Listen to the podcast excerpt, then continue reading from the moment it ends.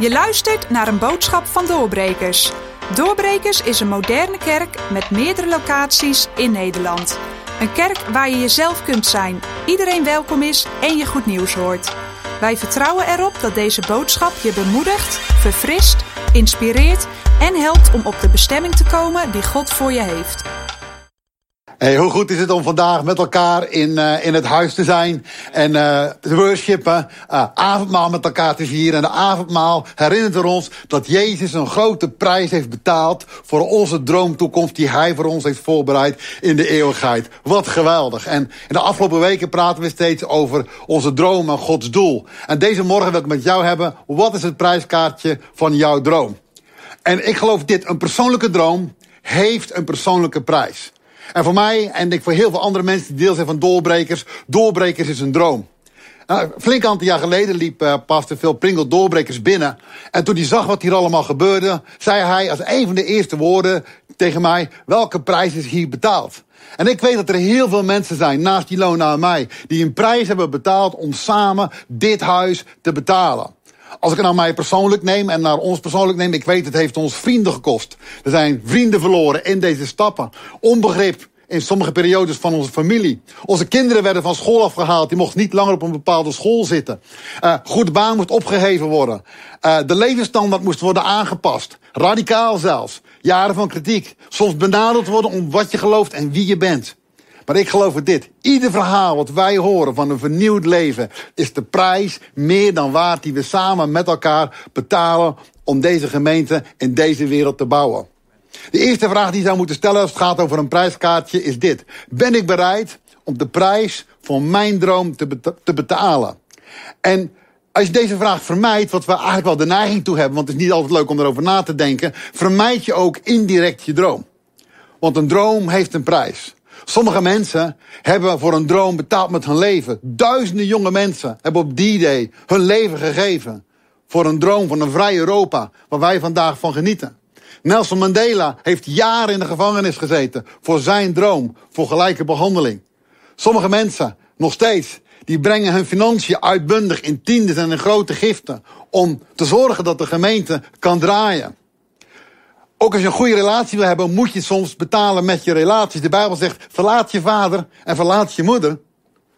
Zodat je een droomhuwelijk kunt hebben. En dat is wel belangrijk. Tegen Abraham werd gezegd, verlaat je land en ga naar een ander land en bouw een nieuwe toekomst op.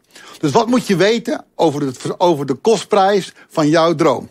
Het eerste wat je moet weten is dit. Er is een groot verschil tussen een wens en een droom. Kijk, het leuke is, een droom en een wens, ze zijn allebei gratis. Wensen, die komen meestal niet uit. Maar een droom, die is ook gratis, maar dan moet je wel de reis naar die droom toe, moet je zelf betalen. Voor een droom moet je eerst dat wat je wenst opgeven. Een droom is een realiteit die je hebt gezien in de onzichtbare wereld en waarvan je zeker weet dat het kan. Een wens is een luchtkasteel een fata morgana. Je ziet het, maar het is eigenlijk niets. Als je het over wensen gaat, die gaan meestal over ja, ik wens comfort, ik wens rijkdom, ik wens vakantie, ik wens luxe. En het liefst wens je dat je gezapt wordt met een druk op de knop en je bent in je wenswereld. Maar een droom, die gaat over een verschil maken. Een droom gaat over verantwoordelijkheid nemen voor andere mensen.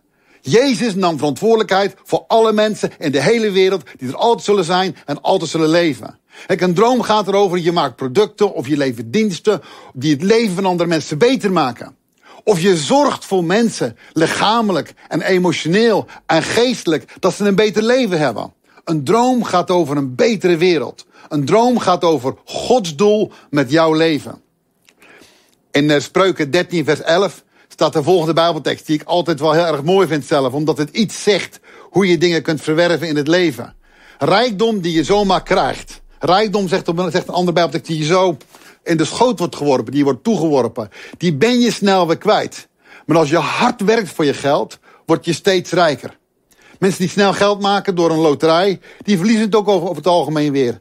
Maar overgewaardeerd talent, in sport of in muziek, die snel geld maakt, over het algemeen lezen we in de kranten, ze zijn ongelukkig en ze zijn depressief. En hier komt het punt. Geld alleen maakt je leven leeg. Geld alleen maakt je leven leeg. Maar Gods doel, een droom, een verschil maken in het leven, dat maakt je leven zinvol en dat maakt je leven gelukkig. Bij God heeft alles een doel. En alles is gedreven door Gods droom. En wij, wij zijn gemaakt naar het beeld van God.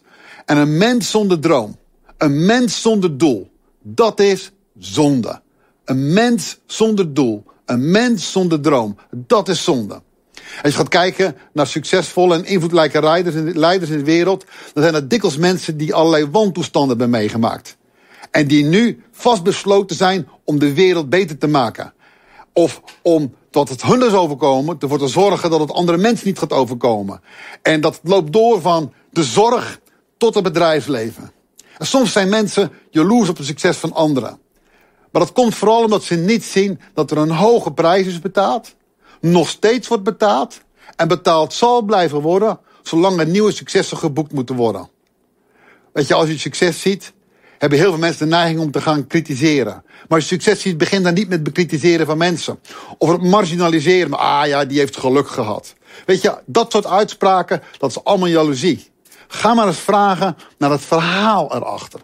Zou je met bijvoorbeeld een ondernemer praten en self-made, quote quote, want niemand is zelf gemaakt, maar een self-made ondernemer. Je zult dikwijls zien dat die uit armoede zijn voortgekomen. Die hebben armoede meegemaakt en denken, dit is wat ik nooit meer wil. Of ze zijn meerdere keren failliet geweest. Er zijn momenten geweest, alles of niets momenten, waarbij ze alle risico's hebben genomen. Ik denk, hoeveel ondernemers op dit moment gaan, zitten niet in een fase van, het is erop of het is eronder. Maar wij kijken naar de buitenkant en wij kijken naar hun succes. Maar we weten niet achter de schermen welke risico's er worden genomen en welke prijzen er worden betaald. Om dat te realiseren wat in de wereld willen zien gebeuren. En ze hebben zich soms een slag in de ronde gewerkt. Weet je, als je in de wereld gaat kijken, dan gaat streven en strijden vooraf aan succes. Zelfs in het woordenboek. Streven en strijden gaat vooraf aan succes, zelfs in het woordenboek. Maar in de koninkrijk van God, wat en in de hemel is en hier op aarde, breek je niet door zonder de woorden strijden, standhouden en sterven. Strijden, standhouden en sterven. De Bijbel zegt strijd om in te gaan. Houd stand en laat niet los wat God je gegeven heeft. En wie zijn leven wil behouden, die moet het eerst verliezen.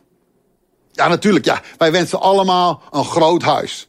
Aan een gouden straat met een diamanten voordeur in de hemel. Met een, opgarant, met een ophaalgarantie door engelen. Na 100 jaar vakantie vieren hier op aarde. Dat is onze wens. Maar de realiteit is, we zijn hier op aarde om een droom en een doel te realiseren. Wat is een droom? Droomhuwelijken, droomgezinnen, droombedrijven, droomkerken. Ik zeg je, deze dromen komen niet zonder strijden, zonder standhouden en zonder sterven aan jezelf. Weet je, wij zijn geroepen om doorbrekers te zijn. Een doorbreker die stapt uit zijn comfortzone.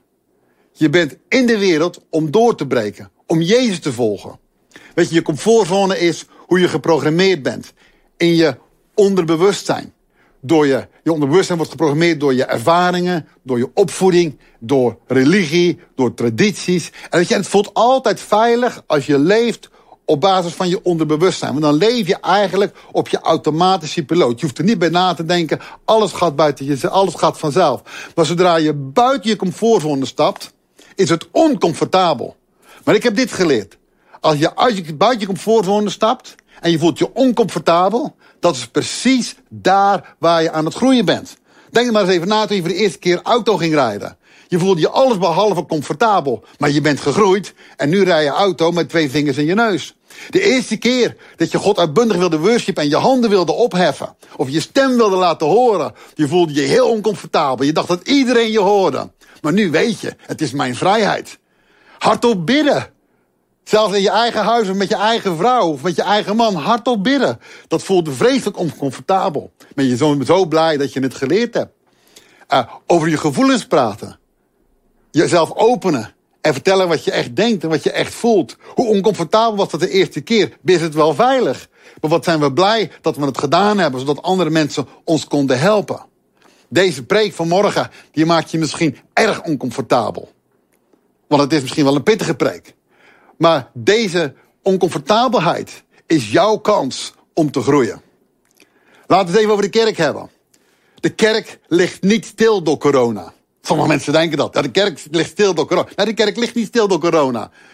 Corona is onderdeel van de shift, van de reset, van de restore en van de, en de restitution. Die kunnen leiden naar de increase. Dat wat God over dit jaar tegen ons heeft gezegd. De kerk is misschien op dit moment in een andere vorm.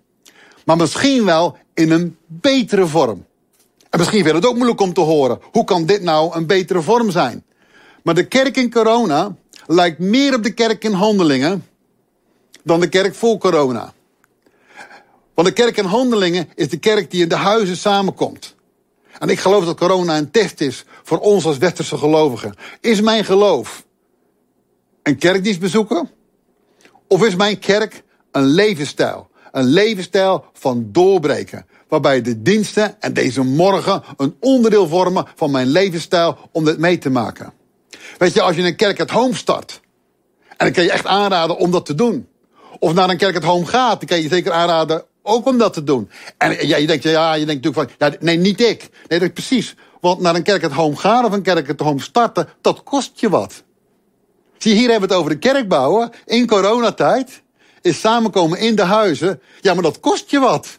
Wil ik, wil ik die prijs wel betalen? Ja, wat kost het je dan? Ja, het kost je je privacy. Het kost extra tijd. Het kost rekening houden met andere mensen. Maar wij geloven dat in de Bijbel staat: geloven doe je samen. Geloven doe je dus niet alleen in je pyjama, voor je, in je bed, voor de tv. En natuurlijk, op zijn tijd is er helemaal niks mis mee.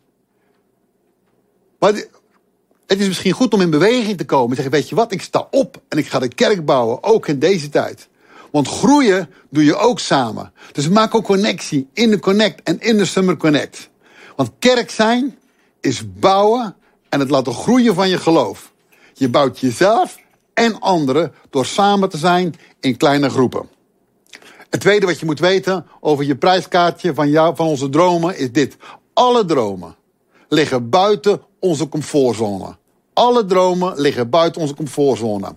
Marcus 10, vers 35. En Jacobus Johannes, de zonen van Zebedeus, wel de zonen des donders genoemd, die kwamen naar hem toe en zeiden: Meester, wij zouden wel willen dat u voor ons doet wat wij u ook maar vragen. Jezus, wij zouden wel willen dat u ook maar doet wat wij u ook maar vragen. Nou, dat klinkt als een wens. Maar misschien was het ook wel een droom. Maar wat zou jij vragen? Als jij tegen Jezus zegt: Jezus, zou u willen doen? Het is een soort blanco cheque. Jezus, wij vragen u, wil u doen wat wij u gaan vragen van tevoren. Terwijl Jezus niet weet, hij weet het wel, maar niet zou weten wat ze gaan vragen. En, uh, en hij zei tegen hen, wat wil je dan wat ik voor u doe? En zij zeiden tegen hem, geef ons dat wij mogen zitten, één aan de rechter en de ander aan de linkerhand, in uw heerlijkheid. Maar Jezus zei tegen hen, je weet niet wat je vraagt. Je hebt geen idee of voor prijskaartje eraan hangt, man. Kunt u de drinkbeker drinken, die ik drink, en met de doop gedoopt worden, waarmee ik gedoopt word? En ze zeiden tegen hem, nou, dat kunnen wij. Maar Jezus zei tegen hen, oké, de drinkbeker die ik drink, die zul je wel drinken. En met de doop waarmee ik gedoopt word, daar zul je mee gedoopt worden. Maar het zitten aan mijn rechterhand en aan mijn linkerhand is niet aan mij om te geven. Maar het zal gegeven worden aan hen voor wie het bestemd is. Nou, je kunt zeggen wat je wil. Maar deze donderstenen, want dat waren de zonen van Zebedeus, die hadden geloof. Ze vroegen niet iets voor dit leven, maar ze keken verder dan hun neus lang was en ze vroegen iets voor het eeuwige leven. Jezus' reactie is, je weet niet wat je vraagt. Je vraagt iets wat ver buiten je comfortzone ligt. Ik kom soms mensen tegen die zeggen, ja, ik wil voorganger worden. En eerlijk gezegd, als mensen dat zeggen, heb ik direct medelijden met ze. En, en, en een van de eerste vragen die ik dan zeg, maar weet je wel wat je vraagt? Denk je dat je dat kan opbrengen? Want die prijs is hoger dan je denkt. En deze discipelen zeggen, nee, maar we kunnen het. En dan zegt Jezus, oké, jullie kunnen het. Maar daarom, zegt Jezus, je zult dezelfde beker van lijden drinken als ik gedronken heb. Weet je wat dat betekent? Je zult verlaten worden door vrienden op het dieptepunt van je leven. En je zult vreselijk behandeld worden door je vijanden op het hoogtepunt van je leven. Jezus werd verlaten door zijn discipel op het dieptepunt van zijn leven. En aan het kruis op het hoogtepunt van zijn leven werd hij vreselijk behandeld door zijn vijanden. En je zult met dezelfde doop gedoopt worden door te sterven aan jezelf. Je gaat je leven geven voor mensen die niet naar je luisteren. Twee weken terug reed ik op de, op, samen met Ilona op de drukke ring rond Amsterdam. En ik zat gewoon in mijn hoofd, denk ik, al die auto's rijden. En ook ik heb wel eens die vraag. Heeft het allemaal zin wat ik doe? Is het de moeite waard dat ik deze prijs betaal? En, en de gedachte die door mijn hoofd ging toen ik al die auto's zag: niemand in de wereld luistert. Terwijl wij zo'n goede boodschap voor ze hebben wat ze nodig hebben. En ik dacht, en de wereld, de kerk, die heeft alleen maar kritiek op doorbrekers. Dus wat doe ik het eigenlijk voor?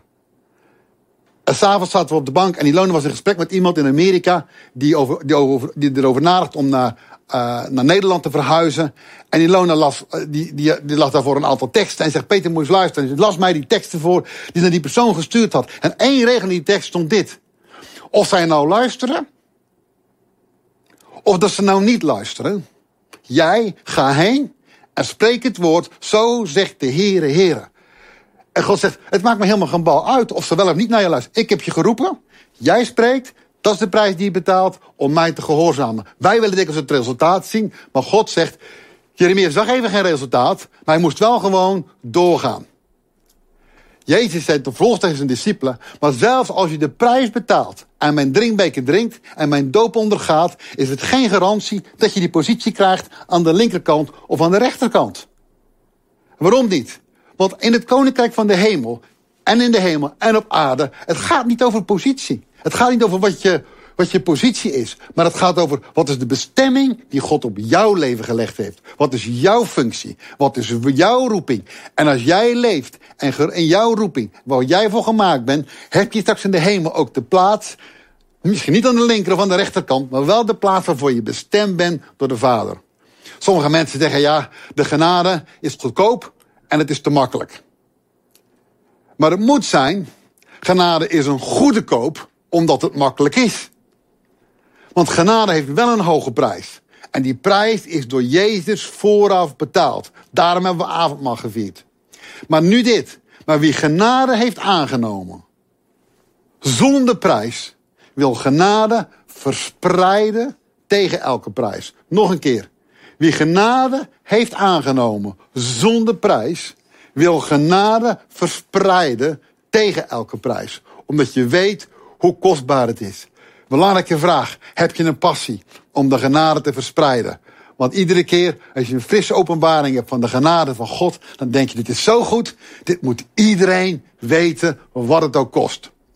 Jezus zei tegen zijn discipelen, Matthäus 16, vers 24.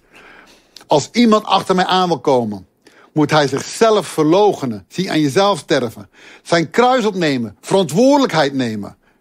Het is niet ziek zijn, het is verantwoordelijkheid nemen, zoals Jezus deed, en mij volgen. Want wie zijn leven wil behouden, die zal het verliezen. Maar wie zijn leven zal verliezen om mij, die zal het vinden. Want wat baart een mens als hij heel de wereld leidt, wint en schade leidt aan zijn ziel? Of wat zal een mens geven als een losprijs voor zijn, als een losprijs voor zijn ziel? Want de zoon des mensen zal komen in de heerlijkheid van zijn vader met zijn engelen. En let op, en als hij komt, en dan zal hij een ieder vergelden naar zijn daden. En wij denken bij vergelden gelijk, oh, oh, oh, Jezus komt, straf, straf, straf, vergelding. Nee, hij zal iedereen belonen naar zijn daden. Je huidige leven, wat je leeft, is een zaad. Wat je zaad voor het eeuwige leven. Al onze dromen liggen buiten onze comfortzone. Je comfortzone is als een gevangenis. In een comfortzone ben je als een kanarie in een comfortabele gouden kooi waarvan de deur wel open staat.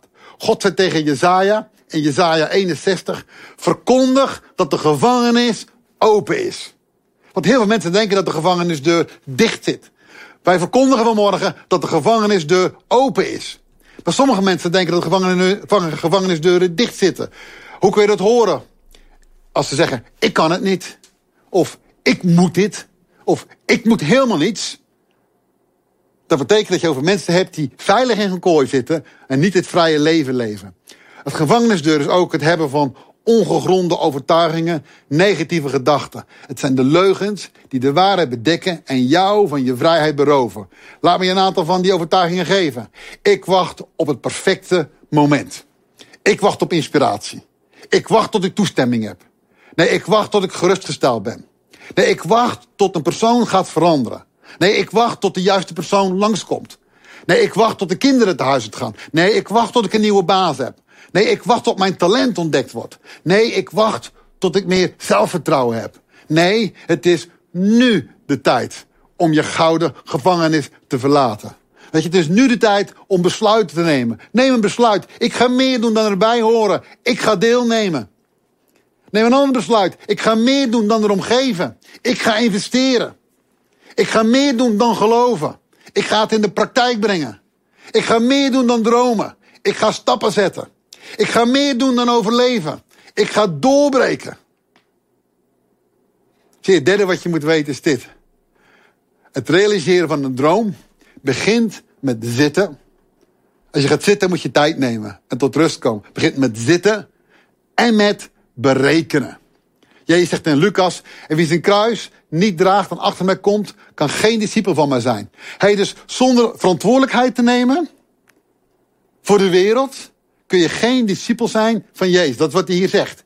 Maar hij zegt erbij, want maar wie van u die een toren gaat bouwen, dus verantwoordelijkheid nemen, is een toren bouwen.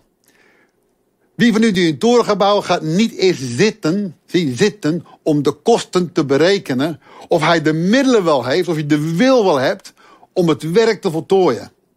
De vraag is, draag je een kruis? Neem je verantwoordelijkheid voor deze wereld. Die je, en een verantwoordelijkheid die je alles kost. Want Jezus zegt, dat is de definitie van een discipel. Nou, we lezen net al over de toren, je moet het uitrekenen. Ik heb het taxiprincipe. Ik weet niet of je een keer in het buitenland komt. Vooral in de wat uh, landen waar de dingen wat minder gereguleerd zijn. Die stappen in een taxi. Voordat je gaat zitten in de taxi, moet je zorgen dat je het eens bent over de prijs. Want als je dat niet doet en je komt aan, dan heb je geen idee welke prijs je gaat betalen. Eén ding kan ik je garanderen. Uit ervaring. Die is heel veel hoger dan jij dacht wat het was. Want of de taximeter doet het niet, of er wordt nog een prijs boven de taximeter gezet. En als je niet wil betalen, daar waar hij stopt, staan heel veel van zijn vrienden. En als er geen vrienden staan, dan staat er wel politie die hem helpt. Maar jij gaat de prijs betalen als je niet van tevoren een goede, heldere, heldere deal hebt gemaakt. De prijs is altijd hoger dan je verwacht. Zelfs Jezus zei, kan deze drinkbeker niet aan mij voorbij gaan? Zijn droom om ons te verlossen en ons het eeuwige leven te geven. Die drinkbeker die wij vanmorgen gedronken hebben. Jezus kwam op een punt en zei van, de prijs is hoog. Zou het mij kunnen voorbij gaan? Dus een droom realiseren zonder een prijskaartje is een illusie. Betaal nooit, twee, betaal nooit met je waarde en met je integriteit voor je droom. Een tijdje terug waren we ons huis aan het verbouwen. En een iemand die erbij betrokken was, die zei tegen mij... Uh, ik zeg, wat kost het? Hij zegt, zoveel als je contant betaalt. Ik zeg, wat bedoel je? Ik had het helemaal niet door. Zegt, zoveel als je... Ik zeg, wat bedoel je met contant? Ik wil een factuur. Oh, zeg, maar als je factuur wil, dan is het 30% duurder. Uh, Oké. Maar het was voor mij iemand uit mijn buurt. 30% korting klinkt wel aantrekkelijk. Maar dan breek ik mijn waarde, dan breek ik mijn integriteit over een droom die ik wil bouwen. Dat gaan we dus mooi niet doen. Eh, de prijs van kritiek, de derde, dat hoort zeker thuis in jouw begroting. Want wat je ook doet, hoe je het ook doet, er is altijd wel, altijd wel iemand die kritiek op je heeft. Om je koers tot het eind toe te volgen is moed vereist. Ik ontvraag graag kritiek. Het fijn om kritiek te krijgen, maar wel van iemand die van me houdt. Wel van iemand die met mij door het vuur wandelt. Wel iemand van iemand die mij blijft steunen door dik en dun.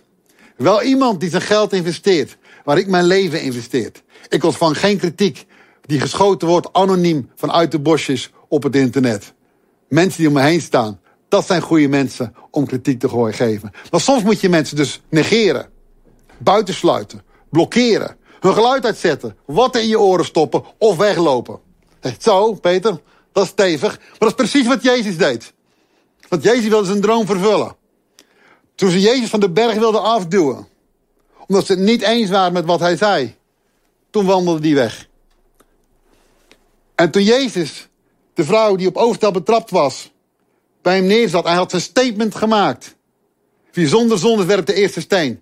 Daarna stopte hij wat in zijn oren en schreef onverstoorbaar in de grond. En trok zich niets aan. Toen Jairus bij hem kwam, kom naar mijn huis, mijn dochtertje is ernstig ziek. En de mensen zeiden, val de meester niet lastig. Je dochtertje is al dood. Jezus zei tegen Jairus, wees niet bang. Geloof alleen. Wees niet bang. Geloof alleen. En hij ging naar het huis van Jairus. En wie, wie jaagt hij het huis uit? Iedereen die geen geloof heeft. En wie neemt hij mee? Drie vrienden. Die weten wie die is, waarvoor die geroepen is en wat die kan. En wat gebeurt er? Jairus staat op uit de dood. Ben je omringd met mensen die geloven in jouw droom? Ben je omringd met mensen die geloven in jouw visie? En zo niet, verwijder ze uit je leven. Want jouw droom, jouw roeping ga je vervullen met mensen die samen met jou geloven dat dit is wat God jou voor geroepen heeft om te doen. En zo zegt Jezus dan, zo kan in ieder van u, die niet alles wat hij heeft achterlaat, geen discipel van mij zijn. Het zout is goed, maar als het zout zijn smaak verloren heeft, waarmee zal het dan nog smakelijk gemaakt worden? Het is niet geschikt voor het land en ook niet voor de mesthoop. Maar gooit het weg. Wie oren heeft om te horen, wie oren heeft om te horen, laat die dit horen. Zout zijn. Om door te breken, om je droom te vervullen, zijn twee regels. Er zijn twee regels als je Jezus wil volgen. Er zijn twee regels als je je doel wil bereiken. Er zijn twee regels. Ze zijn heel simpel. De eerste regel is dit. Zet een stap buiten je comfortzone. Regel 1. Als je Jezus wil volgen, zet een stap buiten je comfortzone. En als je geen stap meer kan zetten, omdat de prijs te hoog is, dus de tweede regel, zet dan nog een stap. Regel 1, zet een stap buiten je comfortzone. Regel 2, als je geen stap meer kan zetten omdat de prijs te hoog is, zet nog een stap. Dat is wat Jezus deed. Jezus zegt, wij zijn het zout van de wereld. Genade ontvangen, dat is goedkoop. Genade verspreiden, dat kost je alles. Zonder een kruis, zonder een prijskaartje, zonder een verantwoordelijkheid is het zout geen zout meer. Maar stel je nou eens voor wat er kan gebeuren in Nederland. Als doorbrekers, als kerk, in alle buurten en alle straten waaraan wij opstaan, waar wij wonen, opstaan. En we beginnen in onze buurten en in onze straten, kerk het homes. En we beginnen daar connects. Niet connects die binnen de vier muren van het huis zitten, maar connects die de buurt verbinden. Connects die de buurt verbeteren. Die de connects die de buurt verzorgen op zondag en door de week. Dan raken we deze wereld aan.